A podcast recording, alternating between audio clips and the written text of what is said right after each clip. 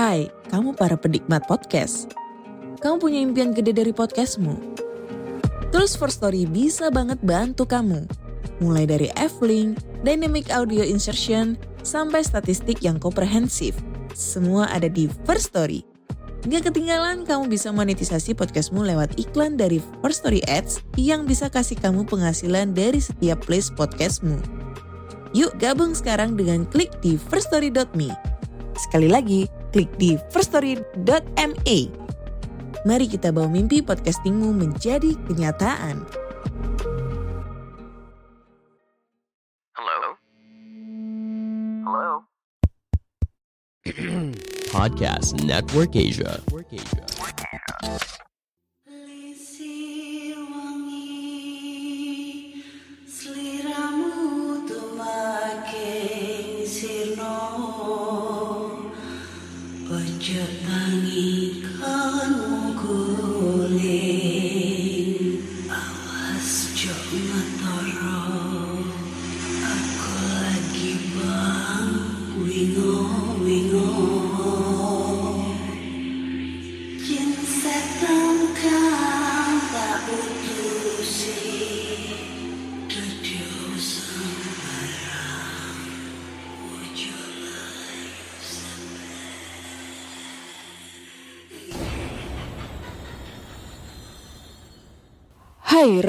Iya apa kabar Ketemu lagi dengan aku si Ana di podcast kisah horor.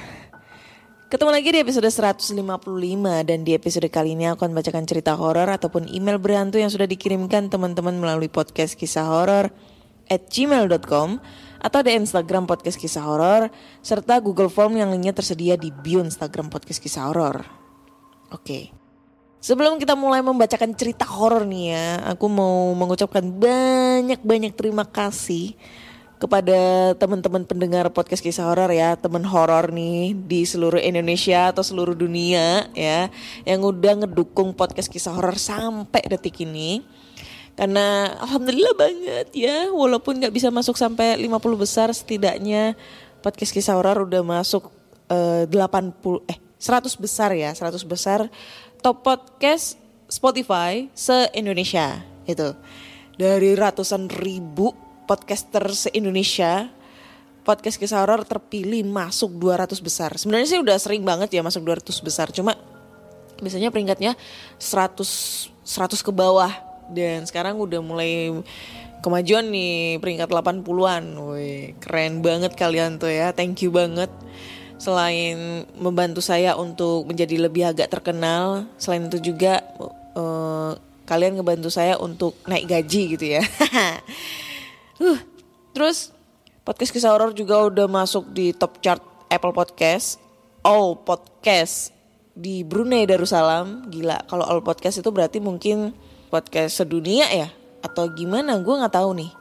Kategori Brunei atau mungkin kategori sedunia nggak tahu. Soalnya udah masuk di Brunei Darussalam tuh.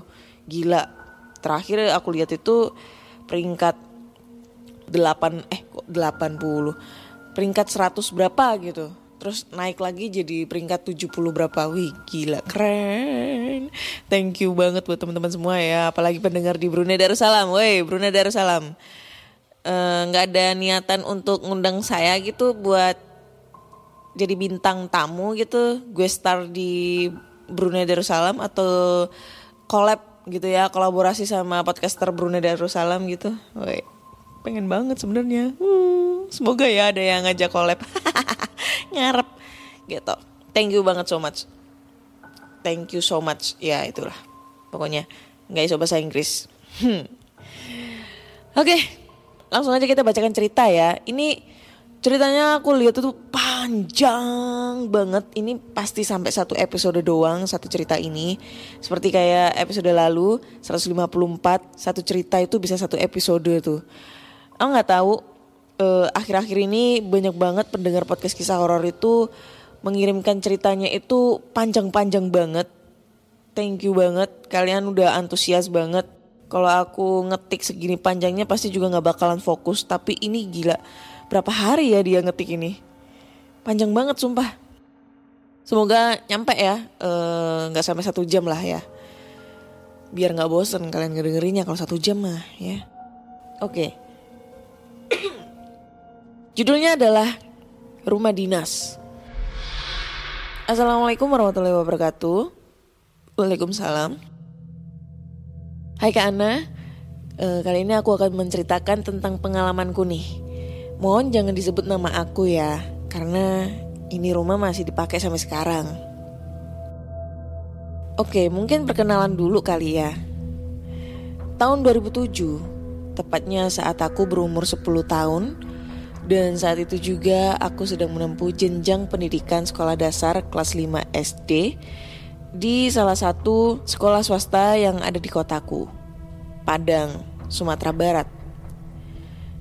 Sebelumnya aku tinggal bersama keluargaku yang terdiri dari mamaku, papaku, dan adik perempuanku yang rumahnya berada di pinggiran kota. Ya, memang rumahku pada saat itu cukup jauh dari kantor papaku dan sekolahku yang berada di pusat kota. Untuk perjalanannya saja bisa-bisa menempuh satu sampai satu setengah jam. Itu pun kalau tidak macet.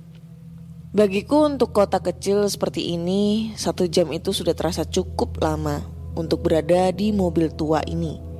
Karena bosannya, terkadang aku menyempatkan waktu berhargaku untuk menyambung mimpiku di dalam mobil.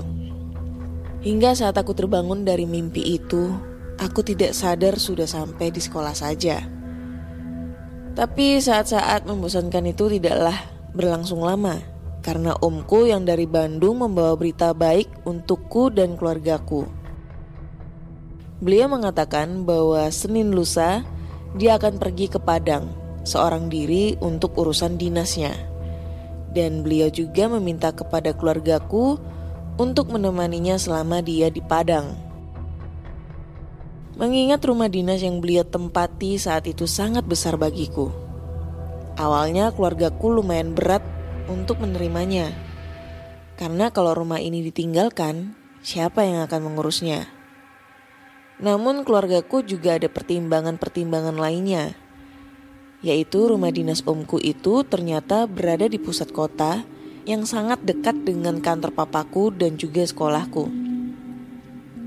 Setelah perdebatan batin yang cukup lama, pada akhirnya keluargaku menyanggupi untuk tinggal sementara bersama omku di rumah dinasnya kurang lebih selama tiga tahun lamanya. Esoknya aku dan keluargaku bersiap-siap untuk berkemas dan membuat sebuah spanduk yang cukup besar lalu menempelkan di depan rumah dengan bertuliskan Rumah ini dikontrakan, hubungi nomor ini untuk info lebih lanjut. Setelah itu kami pun meninggalkan rumah itu dengan cukup berat hati. Namun tidak dengan mamaku. Beliau terlihat sangat senang karena bebannya mungkin cukup berkurang. Bagaimana tidak? Lingkungan rumahku ini menurut mamaku kurang baik untukku karena selama aku tinggal di sini, aku sangat suka keluyuran keluar rumah hingga matahari terbenam. Yang terkadang hal itu membuat mamaku risau. Ya bagaimana tidak? Seumuran aku dulu kalau pulang larut maghrib pasti sudah dicari-cari oleh orang tuanya kan. Anak kecil mana ada yang masih keluyuran maghrib-maghrib. Yang ada nanti diculik sama hantu. Begitulah kira-kira ancaman orang tua zaman dulu untuk menakut-nakuti anaknya jika pulangnya telat. Aku bukanlah tipe anak yang percaya akan hal-hal berbau mistis seperti itu. Tapi semua mindsetku itu berubah seketika ketika aku dan adik perempuanku telah benar-benar mengalaminya sendiri. Bukan, bukan hanya aku dan adik perempuanku saja yang mengalaminya. Aku yakin mama dan papaku pasti juga menyadari akan hal itu. Namun sepertinya mereka mencoba untuk tidak memperdulikan hal itu. Atau mencoba untuk merahasiakannya dari kami agar kami tidak ketakutan pada saat itu. Entahlah, dan inilah awal kisah nyataku berawal. Bagaimana aku dan adik perempuanku mencoba untuk survive dari hal-hal gaib yang mengganggu kami selama satu tahun lamanya. Akhirnya kami pun tiba di rumah dinas omku Dan seketika itu aku takjub melihat rumah dinas ini. Karena jauh sangat berbeda dari rumah yang biasa aku tinggali. Rumah dinas ini begitu besar dari bayanganku. Perkarangan depannya yang luas, terdapat rumput-rumput, tanaman lidah buaya, serta tanaman-tanaman berukuran sedang yang menghiasi pekarangan tersebut. Pagar yang berukuran kecil minimalis namun tetap terlihat elegan. Dan di depan perkarangan tersebut dikelilingi pohon-pohon beringin yang begitu besar seakan menghalangi cahaya matahari masuk ke rumah tersebut. Tidak sampai di situ saja. Setelah aku dan keluargaku masuk ke dalam rumah, aku masih tidak henti-hentinya untuk takjub. Ternyata di dalam ini jauh lebih terlihat besar daripada apa yang terlihat dari luar. Kesan pertama yang aku dapatkan dari rumah ini adalah mewah, namun diselimuti oleh kehampaan yang sangat mendalam. Entah mengapa, di rumah yang sebesar ini, aku merasa sangat-sangat hampa. Apa karena sepi, atau apa karena sunyi? Atau mungkin karena aku masih belum terbiasa dengan suasana rumah yang sebesar ini. Gumamku dalam hati. Tapi sampai saat ini, hari pertamaku di dalam rumah ini tidak ada hal-hal yang aneh yang kurasakan. Benar, tidak ada. Sampai di mana pada hari itu datang. Hari di mana sepupu laki-lakiku datang secara diam-diam. Keesokan harinya aku mulai menjelajahi rumah ini seorang diri, namun hanya setengah bagiannya saja. Yang aku tahu pada saat itu, di rumah dinas ini ada enam ruangan utama, yaitu satu ruang tamu, dua kamar tidur yang ditempati oleh omku, satu kamar tidur lagi yang ditempati oleh kami sekeluarga, dan satu lagi kamar tidur kosong. Kamar tidur di sini begitu besar hingga kami berempat pun masih terasa lapang. Di bagian belakang terdapat satu ruang dapur minimalis ala-ala bar gitu. Di samping dapur terdapat satu kamar tidur untuk pembantu dan jika kita berjalan ke belakangnya lagi terdapat satu ruangan dapur lagi yang lumayan besar namun tidak terpakai lagi itu terbukti karena ruangan dapur ini sangat-sangat kotor dan berdebu. Sarang laba-laba menyeliputi dapur ini. Dan jika kita berjalan lagi terus ke belakangnya, terdapat pintu yang terkunci rapat lengkap dengan gemboknya yang lumayan besar. Pada saat itu aku belum tahu ruangan apa itu dan aku pun pada saat itu tidak ingin mencari tahunya. Karena suasana di sini saja menurutku sudah lumayan menyeramkan. Walau begitu, aku tetap saja tidak terlalu memperdulikan hal itu. Dan ketika itu, aku kembali lagi menjelajahi bagian belakang samping rumah tersebut. Ternyata di bagian belakang samping rumah ini juga terdapat halaman pekarangan yang begitu luas. Bahkan lebih luas dari perkarangan yang ada di depan. Di halaman belakang ini terdapat satu pohon beringin yang sangat besar.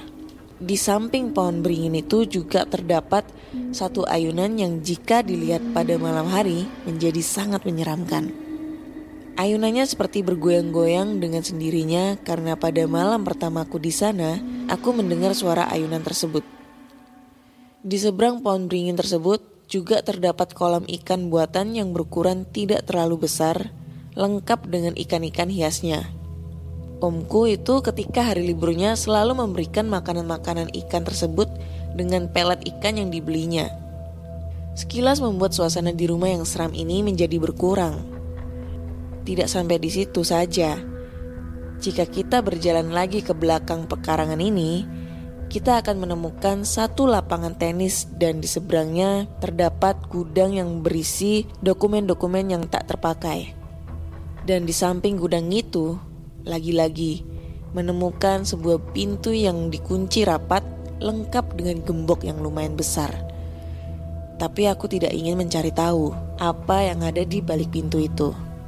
Oh iya, aku tidak tahu apakah rumah dinas ini termasuk ke dalam kompleks perumahan atau bukan. Karena sepertinya rumah dinas ini berdiri sendiri, tidak seperti komplek-komplek perumahan pada umumnya.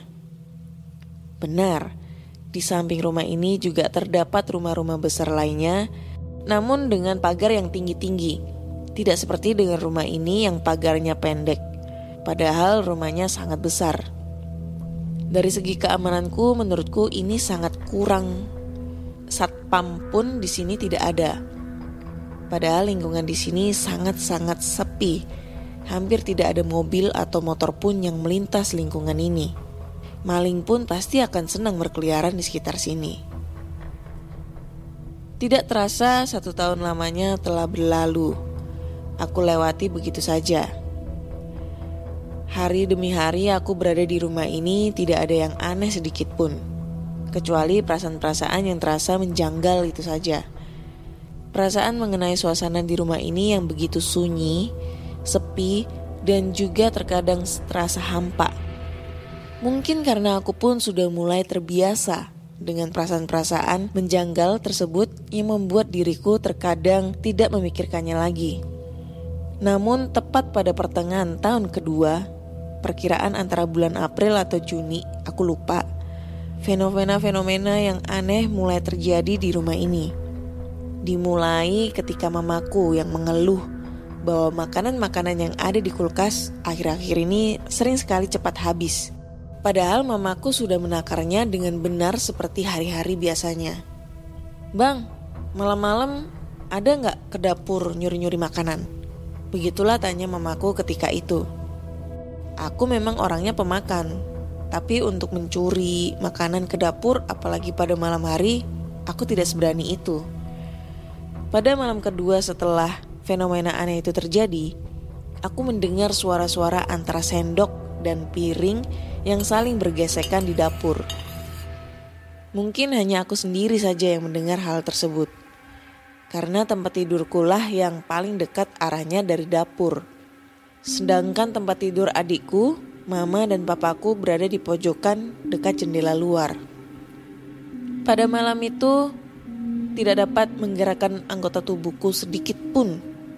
Bahkan melontarkan suara untuk memberitahukan kepada orang tuaku saja tidak bisa. Semakin takutnya diriku karena mendengar suara-suara aneh tersebut. Namun aku mencoba untuk meyakinkan diriku sendiri sembari menundukkan kepalaku ke bantal dan selimut. Palingan cuma kucing. Begitulah gumamku. Lalu terlintas di kepalaku kembali. Oh iya, mungkin si om yang ngambil makanan ke dapur kali. Dan ketika itu, aku sedikit tenang yang pada akhirnya berujung pada ketiduran. Besok paginya barulah aku menceritakan hal tersebut kepada mamaku. Mah, Mungkin si om kali yang ngambil-ngambil makanan di dapur. Soalnya kemarin malam juga aku denger om ngambil makanan ke dapur. Ekspresi wajah mamaku tak yang seperti aku harapkan. Mamaku terheran seketika aku menceritakan hal tersebut. Mana ada, om aja udah dua hari ini gak pulang. Kan om lagi ada rapat di kantornya. Seketika bulu kuduk yang pada leherku langsung merinding mendengar pernyataan mamaku tersebut. Aku pun hanya bisa terdiam sembari memikirkan. Lalu siapa dong? Masa iya kucing bisa ngelakuin hal kayak gitu? Aku yang biasanya main bola seorang diri di halaman pekarangan belakang rumah itu, hari ini aku tidak berani untuk ke sana. Mungkin aku tidak akan berani lagi seterusnya untuk ke sana. Besoknya adalah hari libur.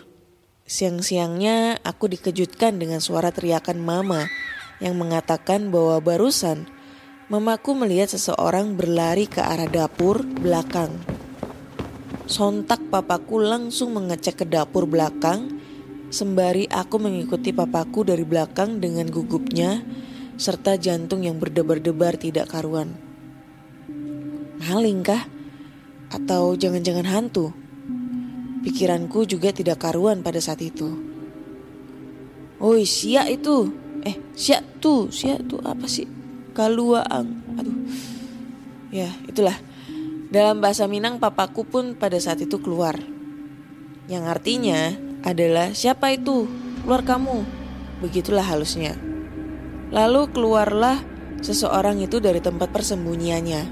Di bawah kolong meja sembari mengatakan, Ko Ewo om, yang artinya ini Ewo om.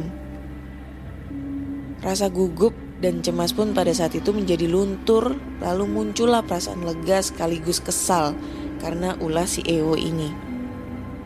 Ya, Ewo adalah sepupu laki-lakiku yang lumayan dekat denganku waktu rumahku masih di pinggiran kota. Walau umur dan posturnya lebih besar tiga tahun dariku, namun tingkahnya masih seperti anak-anak karena keterbelakangan mental yang dia miliki. Ya, dia waktu kecil mendapatkan penyakit step yang membuat cara berpikirnya lebih lambat dari anak-anak lainnya.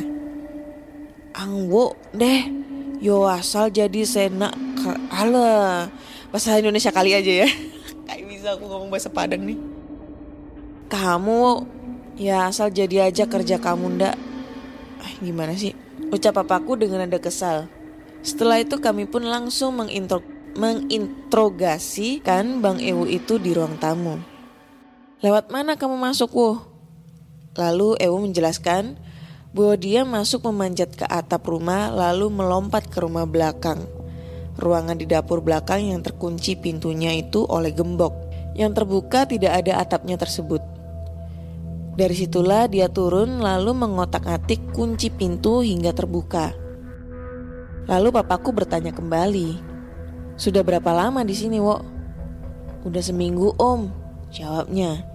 Lantas terpecahkanlah teka-teki mengapa sambal di rumah akhir-akhir ini sering habis dan siapakah orang yang menggesek-gesekkan sendok ke piring pada malam hari sebelumnya. Ya siapa lagi kalau bukan Ewo.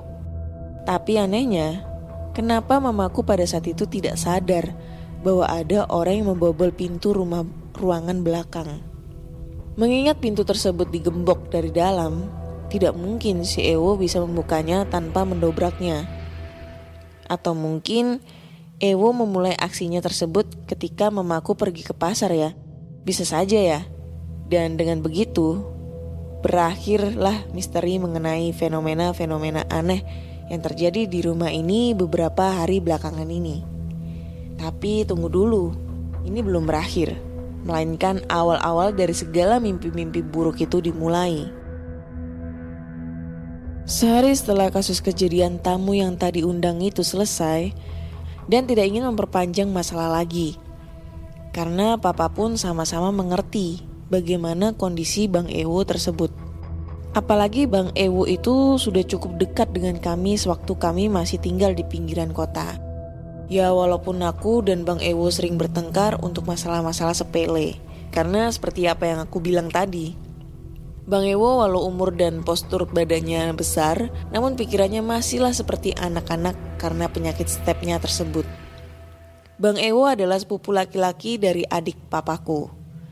Dia sering membuat masalah di lingkungan rumahnya, bahkan orang tuanya saja sudah angkat tangan melihat perilakunya. Kerjanya di rumah hanyalah tidur-tiduran saja seharian. Disuruh sekolah tidak mau, disuruh kerja di bengkelnya sendiri pun juga tidak mau. Tapi siapa sangka, dia sangat ahli dalam urusan pekerjaan bengkel. Jika diasah lebih jauh lagi, pasti dia akan menjadi ahlinya. Namun karena malasnya itulah dia menyanyiakan kesempatan itu. Makanya tidak heran dia sang dengan mudah membobol pintu rumah dinas ini. Katanya orang-orang tertentu bisa melihat hantu loh. Begitulah pikiranku terlintas setiap aku melihat Bang Ewo. Entah mengapa firasatku mengatakan bahwa Bang Ewo ini bisa melihat atau merasakan hal-hal yang tidak bisa dilihat oleh manusia pada umumnya. Buktinya, dia tidak takut sedikit pun dengan apa yang dilakukan pada ruangan yang terkunci rapat itu. Orang normal mana yang berani melakukan hal gila itu? Bahkan Om dan papaku saja tidak pernah menyentuh ruangan yang terkunci itu. Mereka menganggapnya seolah tak pernah ada. Bang Ewo diizinkan menginap oleh papaku untuk beberapa hari di sini. Hitung-hitung sebagai teman mainku di sini karena memang semenjak aku tinggal di rumah ini, Aku tak pernah keluar selangkah pun kecuali untuk urusan sekolah. Apalagi dengan situasi lingkungan yang sepi ini. Berharap ada anak yang seumuranku bermain di luar. Mana mungkin ada. Pada akhirnya Bang Ewola yang menemaniku bermain di rumah ini Walau terkadang kami pun masih sering bertengkar dalam memperebutkan bola misalnya. Seharian bermain bola sangat melelahkan ternyata. Ketika aku sedang asik-asiknya untuk beristirahat sejenak sambil memandangi pohon beringin yang kokoh itu, tanpa aku sadar Bang Ewo sudah menghilang saja. Padahal tadi dia berada tepat di sampingku. Val, sinilah, terdengar suara Bang Ewo yang memanggilku dari arah lapangan tenis. Ngapain bang? Lantas aku pun segera menjawab panggilan itu dan bergegas untuk pergi ke tempat Bang Ewo itu. Ini gudang apa Val? Tanya Bang Ewo sembari mengacak-ngacak dokumen yang ada pada gudang tersebut. Gak tahu bang, jawabku sambil melihat apa yang dilakukan Bang Ewo. Seketika aku melamun sejenak ketika itu dan setelah itu aku melihat ada kabel listrik yang sudah sobek namun masih terhubung dengan kontaknya.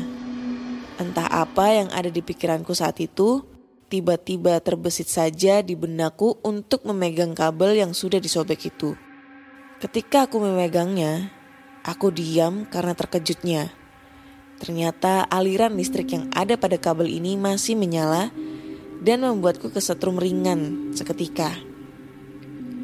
Mungkin karena dulu aku masih anak-anak jadi suka coba-coba buat megang karena penasaran atau mungkin karena ada hal yang lain yang membuatku terdorong untuk menyentuh kabel-kabel berlistrik itu. Ketika itu Bang Ewo hanya melihatku sambil tertawa ringan dan berkata, "Ah, dikerjain ya." Ketika itu aku sedikit kesal karena Bang Ewo mengejakku, tapi aku tidak ambil pusing Kata-katanya itu hanyalah lanturan-lanturan yang tidak bermakna. Karena kondisinya itu terkadang apa yang dia bicarakan seperti melantur sana-sini, menghayal ngalong tidur. Setelah itu Bang Ewo mengajakku untuk pergi ke sebuah pintu yang terkunci rapat itu. Lalu aku pun menolaknya, tapi entah mengapa aku seperti tidak dianggap olehnya pada saat itu. Karena walau aku menolaknya, dia tetap pergi ke sana dan itu membuatku terpaksa untuk mengikutinya. Lalu Bang Ewo pun mengeluarkan skill bengkelnya untuk membuka pintu yang terkunci itu. Setelah beberapa lama dia mengutak-atik kunci itu, akhirnya terbuka juga. Aku sempat takjub seketika. Wah, gila. Keren juga nih Bang Ewo, bisa buka kunci kayak gitu. Pujiku dalam hati. Tapi sayangnya, hal gila itu tidak cukup sampai di situ. Belum sempat aku melarangnya untuk tidak memasuki ruangan yang terkunci itu, Bang Ewo sudah memasukinya saja tanpa ragu sedikit pun. Dan lagi-lagi, aku terpaksa untuk mengikutinya. Ya udahlah, untung masih siang juga. Keluhku dalam hati. Tapi walaupun pada saat itu matahari masih tegak di atas kepala, Entah mengapa mendadak ketika aku memasuki ruangan tersebut, aku merasakan perasaan yang sangat-sangat menjanggal. Jauh lebih menjanggal dari perasaan-perasaanku pada saat pertama aku mendatangi rumah dinas ini. Semakin aku menjauh melangkah ke dalam ruangan ini, semakin berdiri bulu kuduku satu persatu. Bang, gak takut apa ya? Bang Ewo pun tidak merespon apa yang aku tanyakan padanya dan lebih memilih untuk fokus melihat-lihat ruangan ini. Seperti sedang mencari-cari sesuatu, tapi apa itu aku pun tidak tahu. Aku hanya bisa mengikutinya dari belakang sembari was-was entah apa yang akan terjadi nantinya. Karena jujur, pada saat itu aku benar-benar merasa sangat takut. Sepintas aku melihat ruangan ini, Ternyata di sini sangat banyak sekali kamarnya. Ada dua ruangan di sini. Dan di dalam ruangan ini terdapat lagi ruangan lainnya, yaitu ruang kamar tidur yang sudah tidak terurus lagi. Dalam satu ruangan ini terdapat dua ruang kamar tidur. Berarti ada empat kamar tidur yang ada pada ruangan ini. Itu Val. Bang manjat lalu melompat lewat sana kemarin sambil menunjukkan atap tempat dia melompat. Oh, pantes. Dia bisa lompat, ternyata jarak dari atap ke tanah tidak terlalu jauh, gumamku dalam hati. Terus kemarin, Bang tidur di kamar ini, sambil menunjukkan salah satu ruangan yang ada di sana. Hah? Gila gak tuh? Jadi selama seminggu kemarin, Bang Ewo ini tidur di sini. Gak takut sedikit pun. Dan ternyata ruangan ini terhubung dengan ruangan dapur yang sudah tidak terpakai itu. Lepas sudah rasa penasaranku dengan apa yang ada di balik pintu-pintu yang terkunci itu kemarin. Tapi ada satu hal yang membuatku sangat penasaran di ruangan terkunci ini. Tepat di depan atap yang terbuka ketika Bang Ewo melompat kemarin itu. Ada sebuah tanah kosong yang ukurannya tidak terlalu besar, serta pohon bekas ditebang yang lumayan besar dan dikelilingi oleh pagar-pagar berkawat tinggi yang lagi-lagi digembok. Sepertinya pohon tersebut sangat dilindungi bahkan pagar berkawat ini lebih kokoh daripada pagar yang ada di depan rumahku ini. Entah mengapa seketika perhatianku hanya tertuju pada pohon ini. Seperti ada daya tariknya tersendiri. Lalu tiba-tiba Bang Ewo menegurku. Jangan terlalu dilihat kali. Aku pun yang agak melamun karena memperhatikan pohon tersebut terkejut dengan teguran Bang Ewo. Setelah puas kami melihat-lihat ruangan tersebut, kami pun menuju ke dalam lalu menutup pintu-pintu tersebut. Namun tidak kami kunci kembali. Aku yang masih penasaran dengan pohon itu, aku pun bertanya kepada Bang Ewo. Bang, pohon apa yang ada di situ tadi? Bang Ewo hanya diam dan tidak menghiraukan tanyaku. Seolah dia tidak ingin membahasnya. Yang membuatku penasaran dari pohon itu adalah daya tariknya yang membuatku seolah-olah ingin melihat pohon itu terus. Memang yang aku rasakan ketika itu melihat pohon tersebut adalah rasa hampa sekaligus menaikkan bulu-bulu kuduku satu persatu. Seperti sumber dari rasa hampa yang ada di rumah ini berasal dari pohon tersebut. Paling tidak, itulah pikirku setiap kali kalau aku memikirkan mengenai pohon tersebut. Dan lagi, yang membuatku tambah penasaran adalah mengapa pohon yang sudah ditebang itu dipagari oleh kawat yang tinggi-tinggi. Seperti sedang menyegel sesuatu. Tapi apa? Entah mengapa beberapa hari setelah kami memasuki ruangan itu, aku hanya terpikir akan pohon itu. Dan lagi setelah pintu-pintu itu terbuka dari kuncinya, aku merasakan ada yang tidak beres terjadi di rumah ini. Terlebih lagi ketika Bang Ewo itu sudah tidak lagi berada di rumah ini. Keesokan harinya, Bang Ewo pun pamit untuk pulang ke rumahnya yang berada di pinggiran kota. Tidak jauh dari rumah lama kami. Dan aku pun kembali kepada aktivitasku biasanya yaitu sekolah, pulang, namun pada kali ini aku sangat mengurangi jatahku, aku sangat mengurangi jatahku untuk bermain di halaman belakang sejak kejadian waktu itu. Rasanya rumah ini sungguh terasa asing bagiku sekarang. Atau karena aku saja yang terlalu paranoid. Memang aku bisa dikatakan sebagai anak yang paling penakut di keluarga ini. Nonton film horor aja bisa tidak tidur semalaman. Jadi aku lebih menyibukkan diri dengan bermain game. Ketika aku bermain game PlayStation ini, memang pikiranku akan hal-hal yang membuatku takut sedikit terlupakan. Namun itu hanya bersifat sementara. Karena ketika malam telah tiba, semua pikiran-pikiran liarku mengenai ruangan yang terkunci itu kembali meluap. Gelisah tak tentu arah. Mencoba untuk tidur pun aku tak bisa karena pikiranku yang selalu mengingat akan hal-hal yang menakutkan mengenai ruangan yang terkunci itu. Aku mencoba untuk menenangkan pikiranku pada saat itu. Dari menghitung domba dari 1 sampai 100 hingga memikirkan kejadian-kejadian lucu yang ada di sekolah hari ini. Namun semuanya nihil dan tidak berdampak sedikit pun kepadaku. Padahal mulutku sudah penuh dengan nguapan yang menyuruhku untuk tidur terlelap. Alhasil aku pun hanya bisa melihat jam yang terus berputar dengan pelannya sambil memikirkan hal-hal yang menakutkan itu. Tidak terasa jarum jam pun sudah menunjukkan ke angka 11. Orang tua dan adikku pun terlihat sudah tidur terlelap. Badanku tak nyaman. Pikiranku pun sangat gelisah pada saat itu. Lantas, aku ubah posisi tidurku yang semula terlentang menjadi tengkurap. Berharap dengan aku mengubah posisi tidurku itu, aku lebih membuat badanku terasa lelah. Tapi ternyata pilihanku itu salah besar.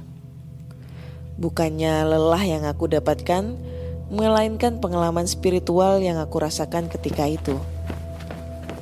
Aku mendengar suara langkah-langkah kaki yang berlari-lari kecil di balik pintu kamarku itu. Oh, mungkin oomku baru pulang, pikirku dalam hati. Awalnya aku mengabaikannya saja. Namun setelah beberapa menit kemudian, langkah-langkah kaki itu pun kembali ku dengar. Pada kali kedua ini, aku masih mencoba untuk berpositif thinking Mungkin omku lapar. Hingga aku mendengar suara tersebut untuk yang ketiga kalinya. Dan lagi-lagi aku masih berpositif thinking. Cepet juga omku makanya ya. Selang beberapa menit setelah itu terdengar lagi untuk yang keempat kalinya. Dan kali ini aku benar-benar takut sekaligus penasaran. Masa iya omku malam-malam mondar-mandir Emang mau ngapain? Pikirku sembari mengecek keadaan di balik pintu kamarku itu lewat ventilasi yang berada di pintu itu. Ya, di pintu kamarku terdapat ventilasi kecil yang letaknya di bagian bawah dari pintu tersebut.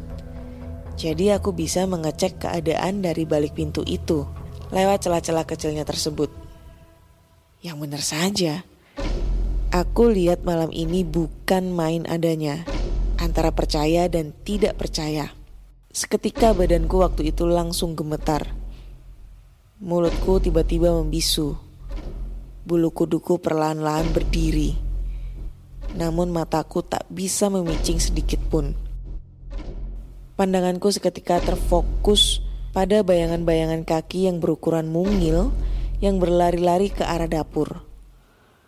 Lalu balik lagi ke arah ruang tamu. Sontak aku pun langsung menutup kepalaku dengan bantal dalam-dalam dan tidak bisa mengeluarkan sepatah kata apa pun dari mulutku.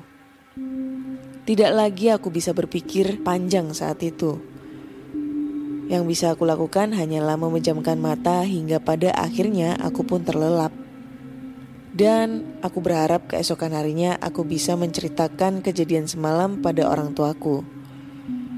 Namun anehnya, pada saat keesokan harinya itu, kejadian semalam, aku sekilas terlupa dengan kejadian yang semalam aku alamin hingga aku pun tidak ingat untuk menceritakannya kepada orang tuaku. Tapi kejadian itu mungkin teringat ketika malam hari tiba di saat aku ingin tidur. Entahlah, aku pun tidak mengerti apa yang membuatku lupa untuk menceritakannya kepada orang tuaku. Atau jangan-jangan mereka sedang mempermainkan pikiranku. Lantas, untuk apa? Apakah mereka takut untuk dianggap ada oleh manusia? Atau apakah mereka ingin dianggap tidak ada oleh manusia? Sungguh pikiranku pada saat itu benar-benar tidak karuan lagi. Dua hari telah berlalu sejak malam pertama mereka menampakkannya kepadaku. Di malam kedua kemarin, mereka juga masih tetap menampakkan kehadirannya kepadaku pada jam yang sama, tempat yang sama, dengan langkah-langkah kaki yang sama. Entah apa maksud mereka melakukan hal itu. Apakah mereka hanya ingin menakut-nakutiku, atau apakah mereka ingin mengajakku bermain? Tapi seharusnya mereka paham bahwa aku terlalu takut untuk bermain bersama mereka. Di hari ketiga ini, aku benar-benar bertekad untuk menceritakannya kepada orang tuaku. apa yang aku lihat pada dua malam kemarin. Tapi nyatanya tekadku hilang bersama dengan ingatanku. Sesaat aku melupakan lagi apa yang harus aku sampaikan kepada orang tuaku itu. Namun aku menyadarinya sekarang. Sepertinya aku tidak lupa dengan apa yang ingin aku sampaikan kepada orang tuaku saat itu. Hanya saja aku merasa berat untuk menceritakan hal-hal tersebut kepada mereka. Mungkin kalian pun pernah mengalami atau berada di posisi yang sama. Aku pun sulit menjelaskannya mengapa, tapi aku yakin kalian yang pernah pada posisiku ini pasti mengerti apa yang aku maksud. Malam pun telah tiba. Aku sudah bersiap-siap dengan mentalku untuk menghadapi suara-suara aneh yang mereka buat. Detik demi detik, menit demi menit, Setia aku melihat jarum jam yang berputar dengan lambatnya. Dan tidak terasa, jarum jam pun telah menunjukkan pada angka 11. Suara-suara mereka pun masih belum terdengar.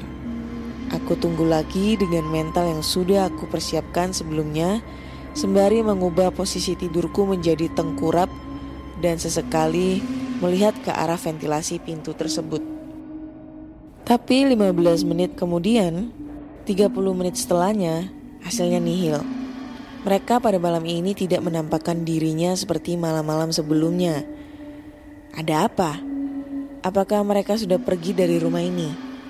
Atau apakah mereka sudah puas untuk menakut-nakutiku?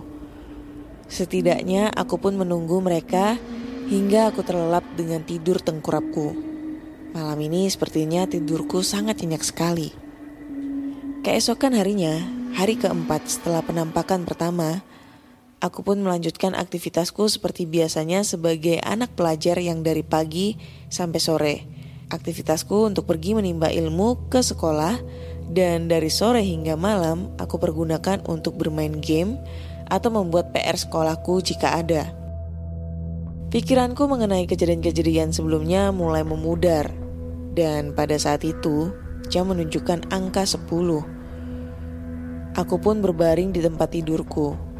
Sekilas aku melihat ke arah tempat tidur adikku yang tidak jauh dari tempat tidurku. Oh, masih belum tidur ya. Gemamku sembari aku melihat adikku sedang berbincang-bincang dengan orang tuaku. Aku pun sudah tidak lagi menghiraukan kejadian-kejadian kemarin itu. Hingga aku pun lengah karenanya. Ketika orang tuaku sudah terlelap tidur dan ketika adikku masih bersiap-siap untuk tidur, seketika itu pun aku keringat dingin karena mendengarkan suara-suara aneh yang tidak ingin kudengar lagi. Aku pikir mereka telah benar-benar pergi. Lalu aku pun melihat angka jarum jam yang telah menunjukkan angka 11. Dia membisu dengan bulu kuduku yang berdiri. Aku pun langsung mengambil posisi tidur tengkurap sembari melihat ke arah ventilasi pintu itu. Lantas adikku ketika itu melihatku dan berkata, Bang, ngapain? Aku pun langsung menyuruh adikku untuk diam dengan kodean tanganku padanya. Karena penasaran, adikku menghampiriku dan melihatku sedang memperhatikan ke arah ventilasi pintu kamar itu. Ngapain bang lihat-lihat ke sana? Tanya adikku. Aku pun langsung menarik tangannya dan menyuruhnya untuk melihat ke arah ventilasi pintu tersebut. Dan kami pun pada saat itu sama-sama memperhatikan bayangan-bayangan anak kecil yang sedang berlari-lari itu. Aku pikir ini hanyalah imajinasiku saja. Tapi ternyata bukan. Adikku juga bisa melihat dan mendengar sama dengan apa yang aku lihat dan aku dengar. Dan pada saat itu, diam dan melihat yang hanya bisa kami lakukan. Tidak lama setelah penampakan bayangan-bayangan itu berhenti, kami pun dibuat terkejut dan langsung memendam kepala kami dengan bantal dalam-dalam hingga kami tidak mendengar apa yang kami dengar pada malam itu. Ini benar-benar sudah jauh lebih menyeramkan. Bayangkan saja, setelah suara langkah-langkah dan bayangan kaki itu berhenti, kami langsung dikejutkan kembali dengan suara orang yang sedang memasak di dapur. gesekan antara wajan dan spatula jelas terdengar dari kedua telinga kami. Malam ini benar-benar malam terburuk yang pernah kami alami. Namun untungnya kami terselamatkan oleh kantuk yang membuat kami terlelap di saat kami memendamkan kepala dengan dalamnya. Fix, besok aku harus menceritakan kepada orang tuaku mengenai apa yang aku dan adikku alami malam ini. Hari kelima setelah penampakan pertama. Hari ini aku bertekad untuk menceritakan kejadian semalam kepada orang tuaku. Namun tekadku terpaksa harus aku buang jauh-jauh ketika aku mendengarkan sebuah cerita dari anak kelasku ketika mereka bercerita mengenai hantu. Ketika aku sedang beristirahat di kelas, aku melihat segerombolan anak kelas itu mulai membuat geng mereka sendiri dan memulai percakapan mereka seperti biasanya. Mereka memang sudah biasa membuat geng untuk membicarakan hal-hal yang tidak penting itu seperti menggosipkan guru-guru tertentu, membicarakan gadis yang mereka suka, atau sekedar membicarakan apa yang mereka tonton semalam. Aku yang memang terkenal sebagai anak yang pendiam tidak terlalu menghiraukan mereka. Aku duduk di pojokan belakang sembari memainkan kertas lipat yang aku buat secara acak dan terkadang aku juga mencuri-curi apa yang mereka bicarakan. Yaitu pun jika ada hal yang membuatku tertarik. Oi, kemarin aku sama si Albert kan pergi main ke rumah si Fajar. Sama-sama tahu aja lah kita. Kan kondisi jalanan ke rumah Fajar tuh gimana? Jelas Khalil dalam membuka pembicaraan hari ini. Iya, semak belukar aja isi jalan ke rumahnya kan. Emang kenapa? Belum juga ya diperbaiki jalannya? Tanya Diki. Memang kondisi jalan untuk rumah Fajar ini sangat menyeramkan menurutku. Untuk ke rumahnya saja, kita harus menempuh semak belukar yang cukup tinggi yang berada di sisi kiri kanan sepanjang jalan. Kalau siang hari sih memang mungkin masih tampak biasa aja. Tapi kalau udah malam hari, lain lagi ceritanya. Jadi ketika aku dan Albert mau pulang dari rumah Fajar kan, aku melihat hantu sedang berdiri dekat semak-semak itu. Jelas Khalil dengan wajah seriusnya. Lalu Albert pun yang pada saat itu juga ikut nimbrung mengenai pembicaraan mereka juga membenarkan apa yang dikatakan Khalil. Iya, ngeri kali. Putih semua pakaiannya kayak kuntilanak. Sambung Albert. Lalu Ipong pun membantah apa yang dikatakan Khalil dan Albert itu seakan tak percaya apa yang mereka katakan. Salah lihat kali kamu, Jangan-jangan ibu-ibu yang berpakaian putih yang kamu lihat. Albert pun lalu membantah apa yang dikatakan Ipong. Ah, mana ada ibu-ibu di tepi jalan dekat semak-semak pula malam-malam. Gila ibu-ibu itu. Jelas dia berdiri di situ sambil melihat ke arahku dan si Khalil. Perdebatan demi perdebatan terus mereka lontarkan seperti tidak ada yang mau kalah di antara mereka bertiga itu. Ada yang percaya mengenai cerita Albert dan si Khalil itu. Ada pula yang menyangkalnya. Lalu di sela-sela perdebatan mereka, ada satu orang yang bertanya kepada Khalil dan si Albert dengan penasarannya.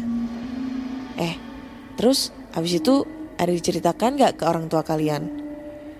Lalu Khalil pun menjawab pertanyaan dari seorang anak kelas tersebut, seakan dia sudah berpengalaman dalam masalah perhantuan ini.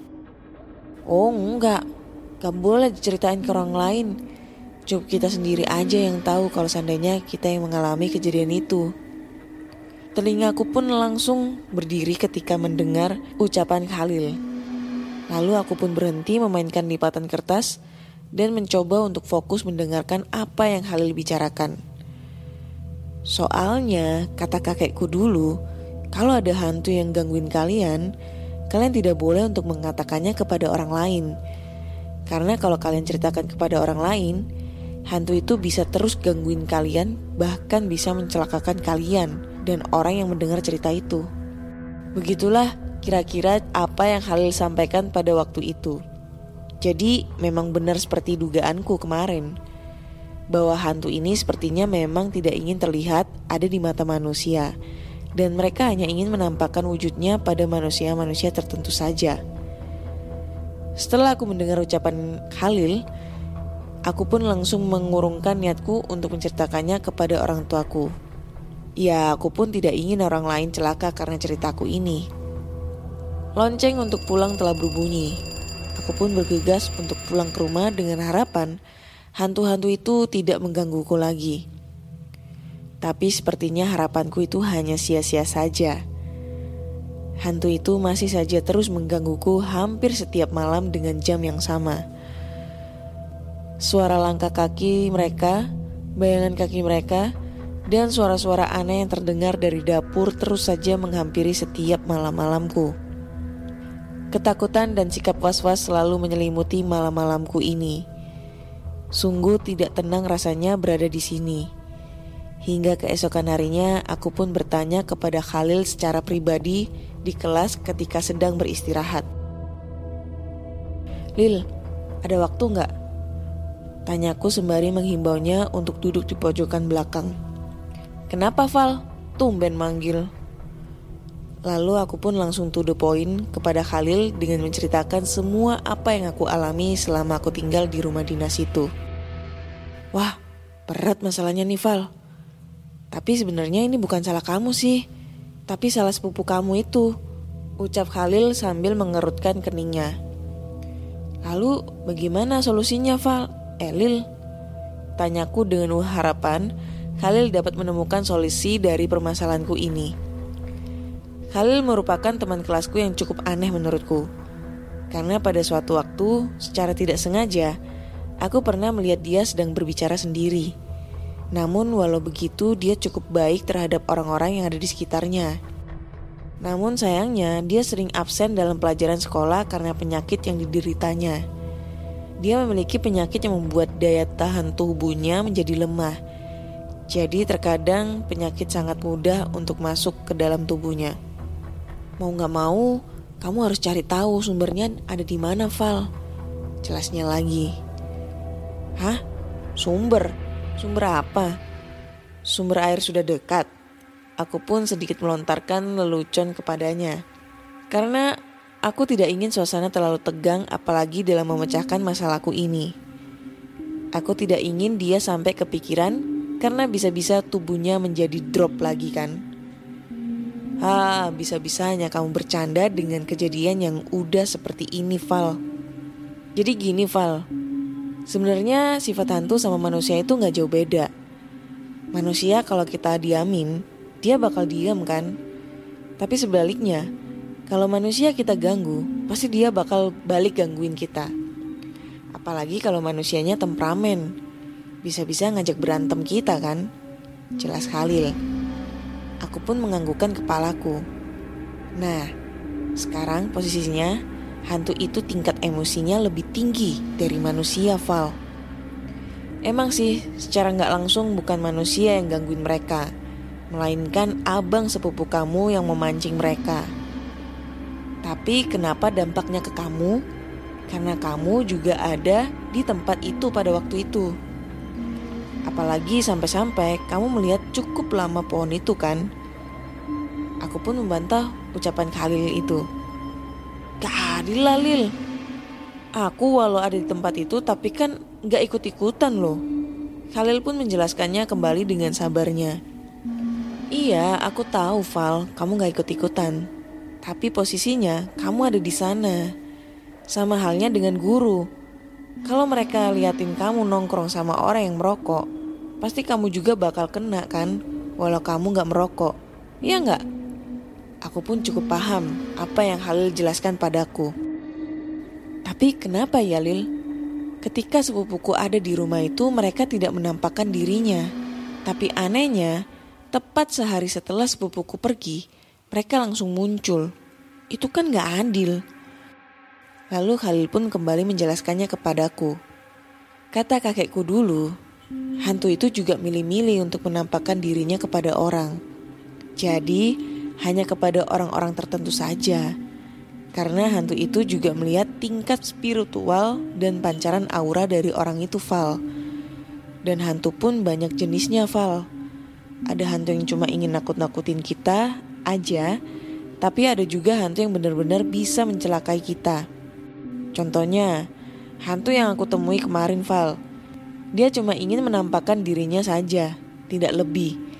Karena dia melihat tingkat spiritualku karena aku bisa merasakan kehadiran mereka lebih tinggi dari orang-orang biasa. Aku pun sedikit bingung dengan apa yang Halil jelaskan, tingkat spiritual. Apa itu? Aku sama sekali tidak mengerti sedikit pun. Singkatnya, tingkat spiritual itu adalah tingkat kepekaan kita terhadap sesuatu fal. Mungkin bisa diibaratkan seperti itu. Lalu Khalil menambahkan penjelasannya kembali. Dan lagi, jika pancaran aura orang tersebut banyak jahatnya, hantu yang datang untuk menampakkan diri kepadanya bisa-bisa mencelakai dia, Val. Jadi, hantu itu menampakkan dirinya kepada orang-orang tertentu saja. Kalau tingkat spiritualmu rendah, tapi pancaran auramu jahat, maka hantu bisa menampakkan dirinya dan bisa mencelakai kamu. Tapi kalau pancaran auramu biasa-biasa aja, ya paling cuma ditakut-takuti saja, Val. Aku pun sudah mulai paham mengenai apa yang Khalil sampaikan. Tapi, aku masih belum mendapatkan jawaban dari Khalil mengenai kenapa ketika Bang Ewo masih ada di rumah itu, mereka tidak menampakkan dirinya. Tapi Lil, aku masih belum mengerti kenapa ketika sepupuku itu masih ada di rumah itu, mereka tidak menampakkan dirinya. Khalil pun menjawab dengan detailnya. Sepupumu katanya step kan? Kata kakekku dulu, orang yang sakit seperti itu biasanya tingkat kepekaannya di atas rata-rata orang normal. Apalagi sifat sepupumu itu juga agak nyeleneh kan? Gak takut sedikit pun sama hantu. Bisa jadi hantu itu sudah ada di sana, tapi dia menahan dirinya untuk tidak menakut-nakutimu, Val. Karena ya itu, ibaratnya sepupumu itu layaknya seorang pawang, Val. Setelah mendengar penjelasan dari Khalil, aku pun sudah mulai mengerti sedikit demi sedikit mengenai dunia perhantuan itu. Dari mengapa hantu itu hanya orang-orang tertentu saja yang mereka ganggu, hingga sifat-sifat serta jenis hantu itu sendiri. Dan aku berharap hantu yang ada di rumahku saat ini bukanlah hantu yang mencelakaiku maupun keluargaku. Wah, masih panjang ini ceritanya ya. Oke, kayaknya sorry banget untuk episode ini rumah dinas. Aku mungkin bikin dua episode ya. Episode satu, eh, maksudnya bagian satu sama bagian dua nih. Ini udah satu jam lebih guys, ya eh, durasinya. Takutnya kalian bosen juga. Jadi aku bikin dua part juga.